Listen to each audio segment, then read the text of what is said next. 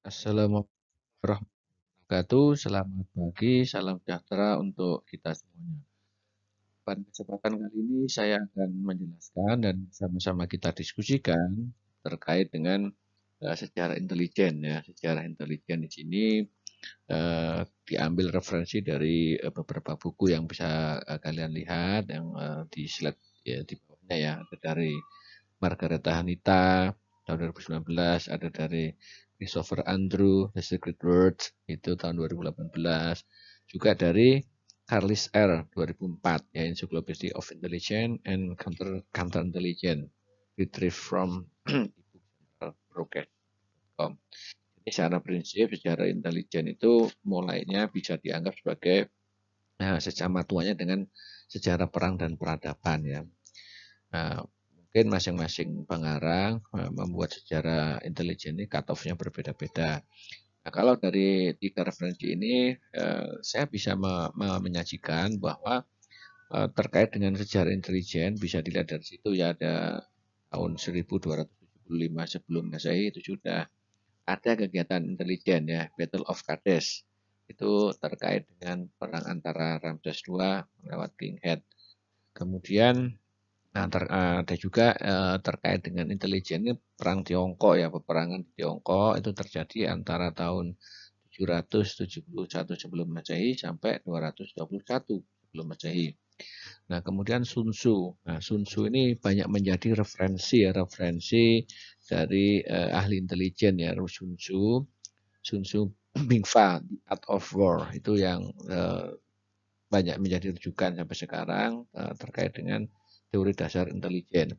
Nah, terkait dengan Sun Tzu ini itu uh, dianggap sebagai bapak yang meletakkan dasar-dasar ilmu intelijen dalam falsafah perang di Cina. Jadi uh, ini Jenderal Sun Tzu ini terkenal pada saat uh, adanya peperangan di Cina. Nah, terkait dengan Sun Tzu ini uh, itu uh, disampaikan ter, uh, oleh Wijojo dalam bukunya yang terjemahkan oleh Bambang yaitu Perang dan Manajemen itu uh, menyampaikan beberapa teori dasar ilmu intelijen khususnya yang dicetuskan oleh Sun Tzu yang mungkin sekarang uh, menjadi banyak uh, rujukan ya. Jadi dapat disimpulkan dari teori yang disampaikan oleh Sun Tzu ini bahwa apabila uh, suatu negara atau pihak yang ingin memenangkan suatu peperangan itu diperlukan kemampuan yang pertama untuk mengenal diri sendiri. Jadi perlu mengetahui uh, mengenali diri sendiri baik terkait dengan kelebihan maupun kelemahan dari dalam diri sendiri. Nah, kemudian baru uh, langkah berikutnya yaitu mengenal lawan. Lawan lawan dari sisi keunggulannya maupun kelemahan yang dimiliki oleh lawan. Yaitu di pelajari lebih dulu. Setelah itu baru mengenal lingkungannya. Lingkungan di sini lingkungan yang digunakan sebagai tempat oleh musuh ya, mengenal lingkungan maupun di tempat uh, yang di lingkungan sekitar tempat uh, pihak di pihak uh, suatu negara atau suatu organisasi ya. Jadi dua pihak lingkungannya, lingkungan internal maupun lingkungan eksternalnya. Internalnya dia ya berarti sekitar lingkungan itu, lingkungan negara itu, lingkungan negara organisasi itu, Sedangkan kalau konteks untuk yang eksternal, yaitu lingkungan di pihak lawan, diposisikan di pihak lawannya seperti apa.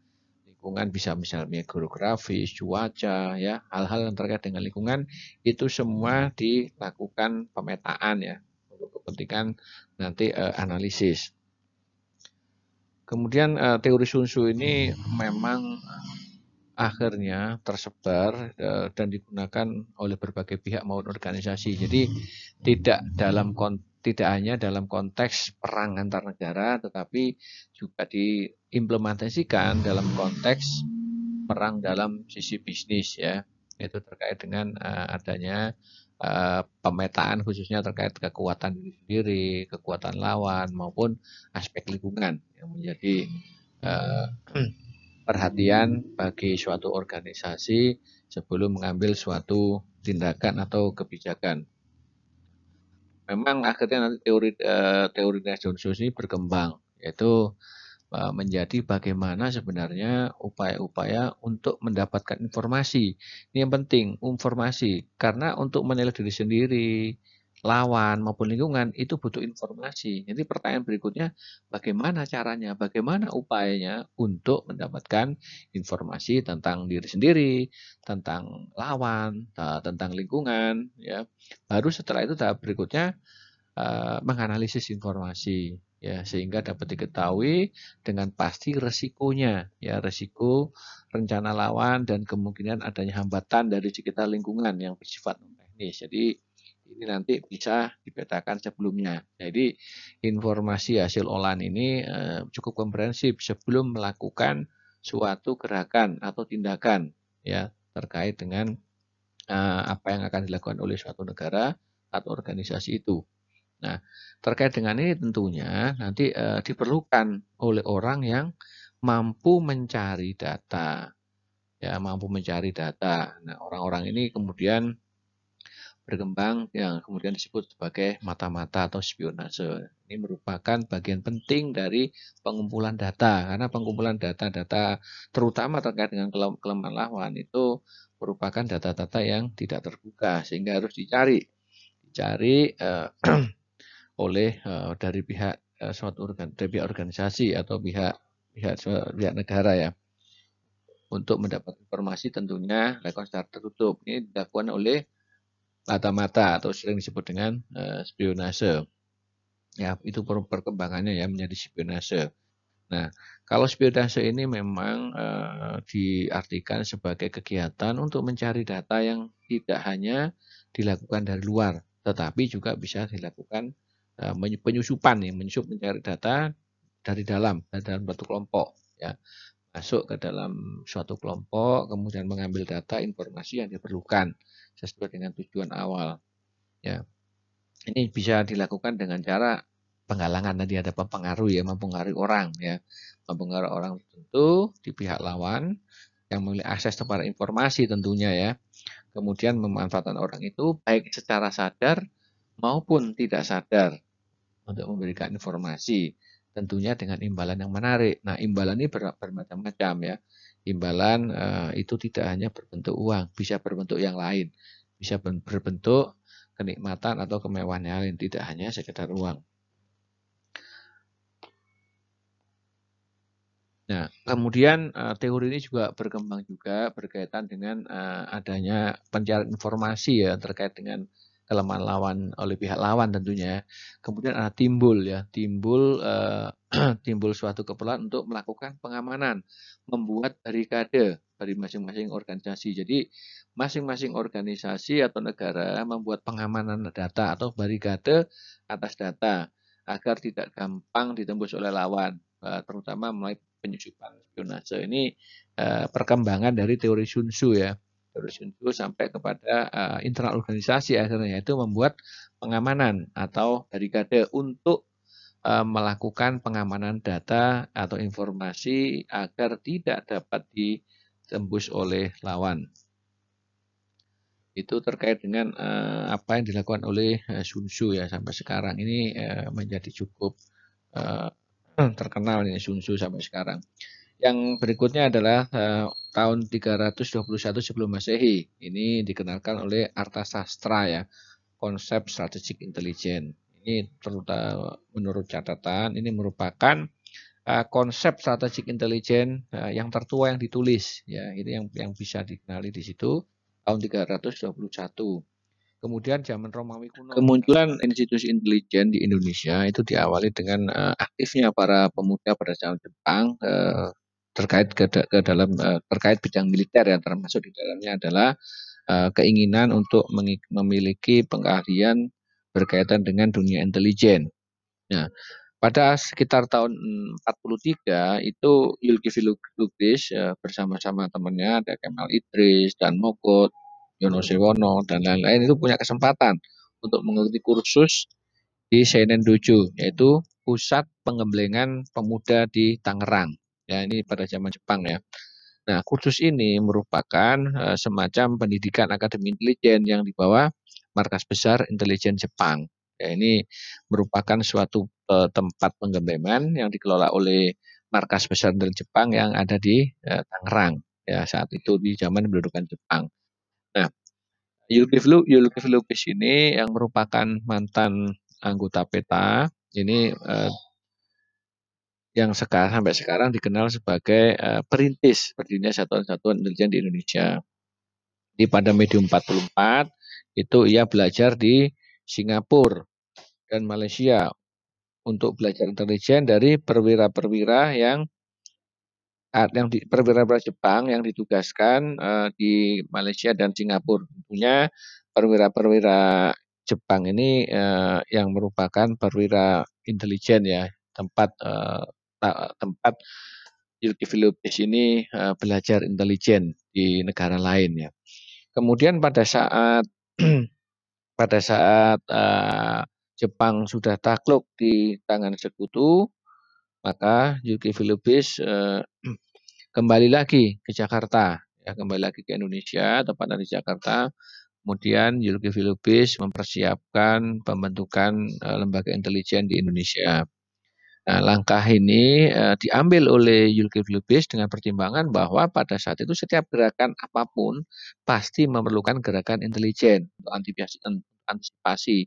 Nah, atas dasar inilah Zulkifli Lubis punya keinginan kuat untuk membentuk uh, lembaga intelijen.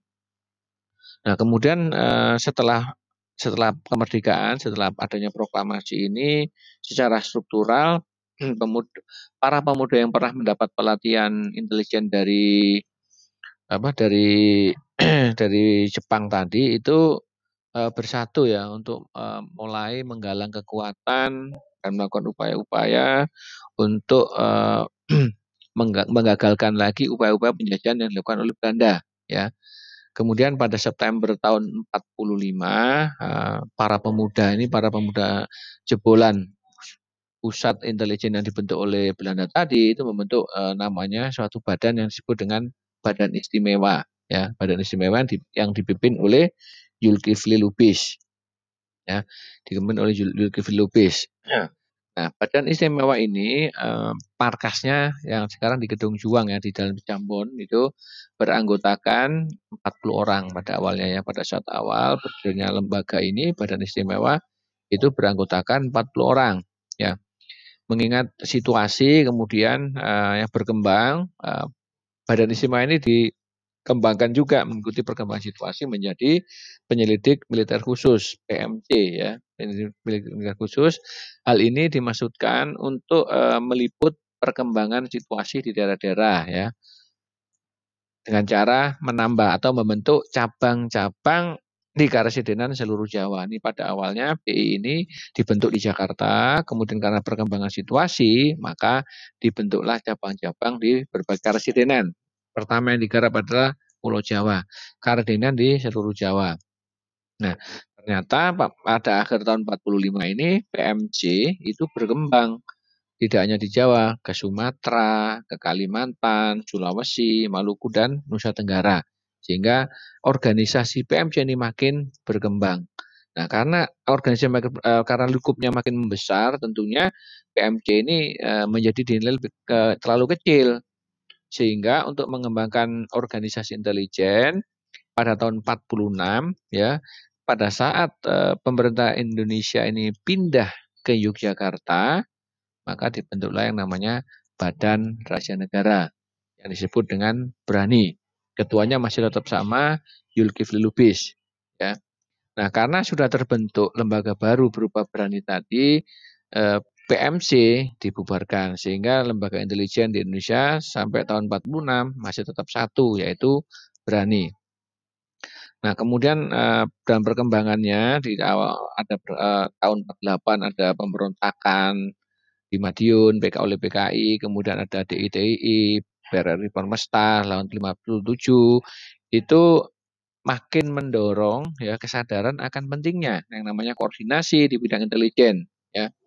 Sehingga uh, sebelum Presiden Soekarno mengeluarkan dekrit uh, 5 Juli 59 itu dibentuk satu unit intelijen negara yang tugasnya mengawasi kegiatan dari uh, anasir-anasir komunis ini uh, mengawasi ya dia melakukan pengawasan terkait anasir komunis ya.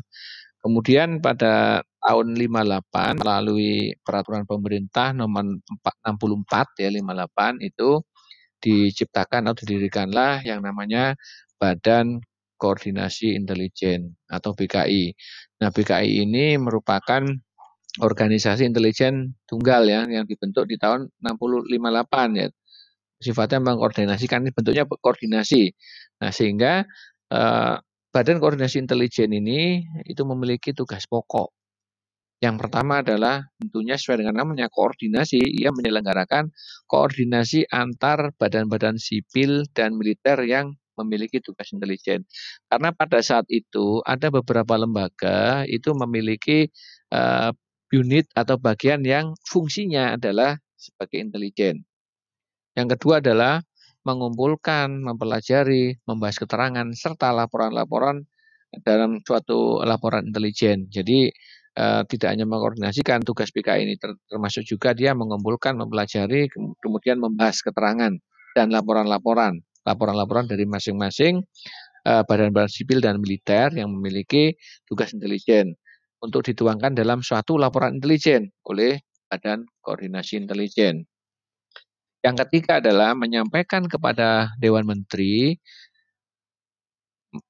menyampaikan Dewan Menteri uh, melalui melalui perdana menteri waktu itu ya tentang hasil-hasil intelijen yang perlu ya melaporkan melaporkan hal yang dianggap perlu ya untuk keselamatan, kesejahteraan, dan keamanan negara. Jadi intelijen awal itu desainnya untuk negara. Jadi intelijen di Indonesia mulai awal sebelum merdeka zaman pendudukan Jepang sampai eh, PKI tahun 58 itu merupakan fungsi intelijen yang dimaksudkan untuk keselamatan, kesejahteraan dan keamanan negara. Nah, sedangkan eh, fungsi utama BKI tadi adalah melakukan pengolahan, kemudian menyaring dan mengadakan pencocokan atas nama keterangan-keterangan yang akan disampaikan kepada pemerintah ya. Di sini ada fungsi filtering ya, menyaring, menyaring seluruh informasi yang diperoleh dari berbagai sumber sipil maupun militer yang memiliki fungsi intelijen sebelum nanti disampaikan kepada pemerintah yaitu eh, BKI. Nah, ternyata eh, BKI ini kemudian eh, berkembang tahun 59 melalui PP nomor 8 tahun 59 dibentuklah Badan Intelijen baru yang disebut dengan Badan Pusat Intelijen BPI yang dipimpin oleh Dr. Dr. Subandrio dan wakilnya Brigjen Polisi Sutarto Kolopaking. Ya, ini uh, Badan Pusat Intelijen BPI ini uh, dipimpin oleh Dr. Subandrio. Kemudian badan pada PPI ini di, dinyatakan sebagai badan intelijen tertinggi ya yang kedudukannya langsung di bawah perdana menteri atau presiden Republik Indonesia atau panglima TNI ya panglima angkatan perang waktu itu ya sebagai uh, jabatan tertinggi di, di dalam intelijen. Kemudian uh, pada tahun 66 Presiden Soekarno membuat keputusan presiden ya nomor 181 mencabut Kepres nomor 859 ini yaitu mencabut tentang pembentukan Badan Pusat Intelijen ya, Badan Pusat Intelijen ini diganti dengan Kepres ya oleh presiden pada tahun 66 ya. Nah, sekaligus pada saat ada pencabutan atau pembubaran BPI ini diganti menjadi lembaga baru, lembaga intelijen baru yang diberi nama Komando Intelijen Negara atau KIN ya. Ini merupakan masih sama merupakan lembaga tertinggi eh, badan intelijen tertinggi di Indonesia. Kemudian eh, secara operasional badan intelijen ini eh, eh, operasional berat, eh, mengkoordinasikan badan badan badan intelijen di wilayah Indonesia. Nah, sedangkan eh, Panglima KIN yang ditunjuk oleh Presiden Soekarno pada tahun 2006 adalah Letnan Jenderal Soeharto. Ya. Jadi KIN ini tahun 66 itu membeli, mempunyai tugas pokok yaitu melaksanakan segala kegiatan intelijen, intelijen negara di sini ya, untuk keselamatan dan keamanan jalannya pemerintahan dan revolusi Indonesia. Ya, fungsi utamanya masih sama terkait dengan intelijen yaitu pertama mengolah, mengumpulkan ya, mengumpulkan, mengolah dan menyajikan uh, data intelijen, informasi intelijen politik, ekonomi, sosial budaya, teknologi, militer, keamanan baik di dalam maupun di luar negeri. Kemudian juga uh, menyelenggarakan riset dan analisis terkait dengan masalah dan uh, pengalaman secara ilmiah, menyelenggarakan dokumentasi dan feeling uh, intelijen, kemudian menjalankan operasi intelijen. Itu merupakan fungsi utama dari Komando Intelijen Negara yang dipimpin oleh Letnan Jenderal Soeharto. Nah, kemudian ada yang namanya Badan Koordinasi Intelijen Negara atau BAKIN ya. Ini BAKIN ini merupakan kelanjutan dari KIN ya, dari KIN berlanjut menjadi BAKIN. Nah, perubahan ini ya, dilakukan uh, melalui perubahan Kepres yaitu Kepres 70 tahun 67 ya. Dalam perkembangannya ini Bakin ini uh, tercatat sebagai Badan Intelijen Nasional tertinggi di Indonesia, menggantikan KIN ya menjadi Bakin. Nah, Kabin ini, eh, Bakin ini uh, berada di bawah Presiden, ya langsung di bawah Presiden. Nah, fungsi utama Bakin adalah menyelenggarakan operasi pendidikan, penyelidikan, menyelenggarakan operasi penyelidikan, pengamanan maupun penggalangan intelijen di dalam dan di luar negeri. Jadi eh, penyelidikan, pengamanan, penggalangan itu tidak hanya di dalam ya di dalam di dalam negeri tetapi juga bisa dilakukan bahwa fungsi ini di luar negeri. Ya tentunya dengan pertimbangan-pertimbangan khusus yang diberikan oleh pimpinan. Kemudian menyelenggarakan koordinasi uh, intelijen ya dan pembinaan uh, terhadap kegiatan dan operasi intelijen yang uh, yang dilakukan oleh lembaga-lembaga intelijen di luar Bakin karena lembaga intelijen tidak tunggal itu uh, sehingga perlu adanya koordinasi ya terkait pembinaan untuk standarisasi teknis yang dilakukan oleh lembaga-lembaga intelijen atau badan intelijen di luar Bakin. Kemudian uh, Bakin uh, Bakin ini juga diberikan fungsi untuk melakukan pengendalian dan pengawasan terhadap pengawasan tugas-tugas intelijen. Yang keempat tentunya uh, merumuskan kebijakan intelijen ya yang merumuskan kebijakan intelijen. Nah, itu merupakan uh, perjalanan intelijen sampai di tahun 2003. Kemudian pada 2003 ini juga ada keputusan presiden yang nomor 30 itu uh, tentang pembentukan Badan Intelijen yang baru, yaitu Badan Koordinasi Intelijen Negara (BKI) Bakin tadi itu diubah menjadi Badan Intelijen Negara, singkat lagi BIN dari Bakin menjadi BIN. Nah, ini yang uh, eksis sampai sekarang. Itulah gambaran sejarah terkait dengan uh, intelijen intelijen yang ada di Indonesia. Uh, 2011 keberadaan Badan Intelijen Negara BIN ini diperkuat dengan Undang-Undang Nomor uh, 17 Tahun 2011 yaitu Undang-Undang tentang Intelijen Negara. Ya, di sini fungsinya sebagai uh, selaku lembaga lembaga intelijen yang mengkoordinasikan unit-unit yang ada di Indonesia ya. Melalui contoh misalnya ada forum Kominda ini komunitas intelijen daerah. Nanti di Kalub DB juga kan uh, pasti tahu terutama yang bekerja di uh, P2 ya. Ini ada forum rutin yang diselenggarakan oleh Kominda yaitu merupakan forum uh, tempat intelijen di daerah berkumpul, baik di, di intelijen sipil maupun intelijen militer. Ya, intelijen, intelijen militer tergantung militer yang ada di daerah itu. Kalau angkatan darat pasti ada. Ini kalau misalnya di itu ada angkatan laut, ada intelijen angkatan laut. Kalau misalnya ada angkatan udara, ada intelijen angkatan udara juga bergabung. Demikian juga dengan intelijen dari polisi, dan kemudian ada intelijen dari unit lain, kejaksaan misalnya, kemudian dari bea cukai.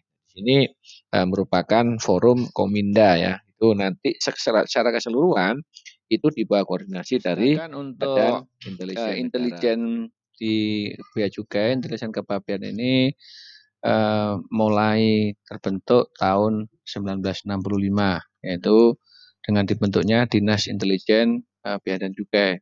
Waktu itu di, dikomandani oleh Dr. Andes Suharnomo. Nah, demikianlah perjalanan sejarah intelijen uh, dimulai dari tahun 1275 sebelum Masehi di dunia internasional, kemudian perkembangan intelijen di Indonesia, maupun uh, adanya pertama kali rintisan intelijen kepabeanan di institusi Direktorat Tugas Jenderal dan fungsi intelijen di Direktorat Jenderal Bea Cukai itu uh, tentunya nanti uh, dikaitkan dengan visi misinya ya, visi misi dari uh, Direktorat Jenderal dan Cukai yaitu memfasilitasi perdagangan dan industri, kemudian menjaga perbatasan dan melindungi masyarakat Indonesia dari penyelundupan dan perdagangan ilegal. Yang terakhir adalah mengoptimalkan penerimaan negara di sektor kepabeanan dan cukai. Nah, ini merupakan uh, lingkup nanti yang menjadi uh, fungsinya unit intelijen yang ada di Direktorat Jenderal Bea dan Cukai. Kemudian uh, terkait uh, pelayanan dan pengawasan tentunya ini merupakan dua hal yang saling bertentangan dan bea cukai harus berada di, di dalamnya untuk menyeimbangkan ini ya. Ini nanti ada uh, terkait dengan fungsi pelayanan tentunya yang dihendaki adalah kelancaran arus barang, kemudian kecepatan pelayanan, kemudian pengurangan ekonomi biaya tinggi, efeknya ke situ ya. Kemudian ada fasilitasi perdagangan, kepabeanan di situ. Kemudian tentunya yang diinginkan adalah transparansi atau terbukaan pelayanan ya. Kemudian uh, di sisi lain ada fungsi pengawasan di sini yaitu pengamanan kepentingan nasional ya dari dari masuknya barang-barang berbahaya misalnya atau masuknya barang-barang yang dapat merusak industri dalam negeri misalnya. Juga ada fungsi perlindungan masyarakat di situ. Ada fungsi perlindungan industri dalam negeri, perlindungan konsumen. Makanya ada makanan dari luar, pasti nanti ada instrumen pengawasan yaitu perizinan dari POM misalnya atau dari karantina kalau makan ini berupa buah-buahan misalnya. Ada penempatan uh, terkait dengan pengamanan kebijakan perdagangan. Tentunya yang terakhir adalah terkait dengan fungsinya yaitu pemungutan penerimaan biaya masuk dan uh, biaya masuk dan pajak dan rangka impor. Nah, ini antara efisiensi pelayanan dan efektivitas pelayanan itu merupakan strategi untuk pencapaian tujuan dan sasaran terkait visi dan misi bea cukai ya. Jadi untuk mencapai tujuan itu perlu dilakukan efisiensi pelayanan dan efektivitas pengawasan. Nah, ini tentu bukan merupakan hal mudah karena antara pengawasan dan pelayanan merupakan dua hal yang sangat berbeda. Pada saat pelayanan cepat tentu ada faktor pengawasan yang akan dikurangi. Sehingga perlu strategi lain. Bagaimana agar pelayanan bisa cepat tetapi fungsi pelayanan nanti tidak bisa uh, dikurangi atau diabaikan. Masih ada fungsi uh, pengawasan di situ. Itu merupakan uh, tantangan pelaksanaan tugas pokok fungsi dari bea cukai ya.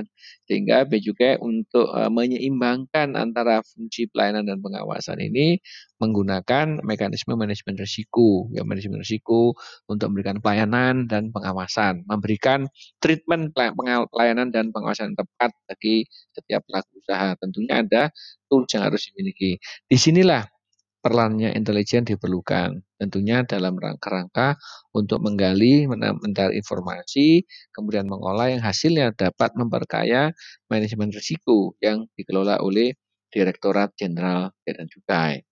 Nah, demikian uh, penjelasan saya terkait dengan gambaran umum intelijen ini, khususnya yang sampai mulai sejarah sampai peran intelijen di Mudah-mudahan bermanfaat. Terima kasih. Wassalamualaikum warahmatullahi wabarakatuh.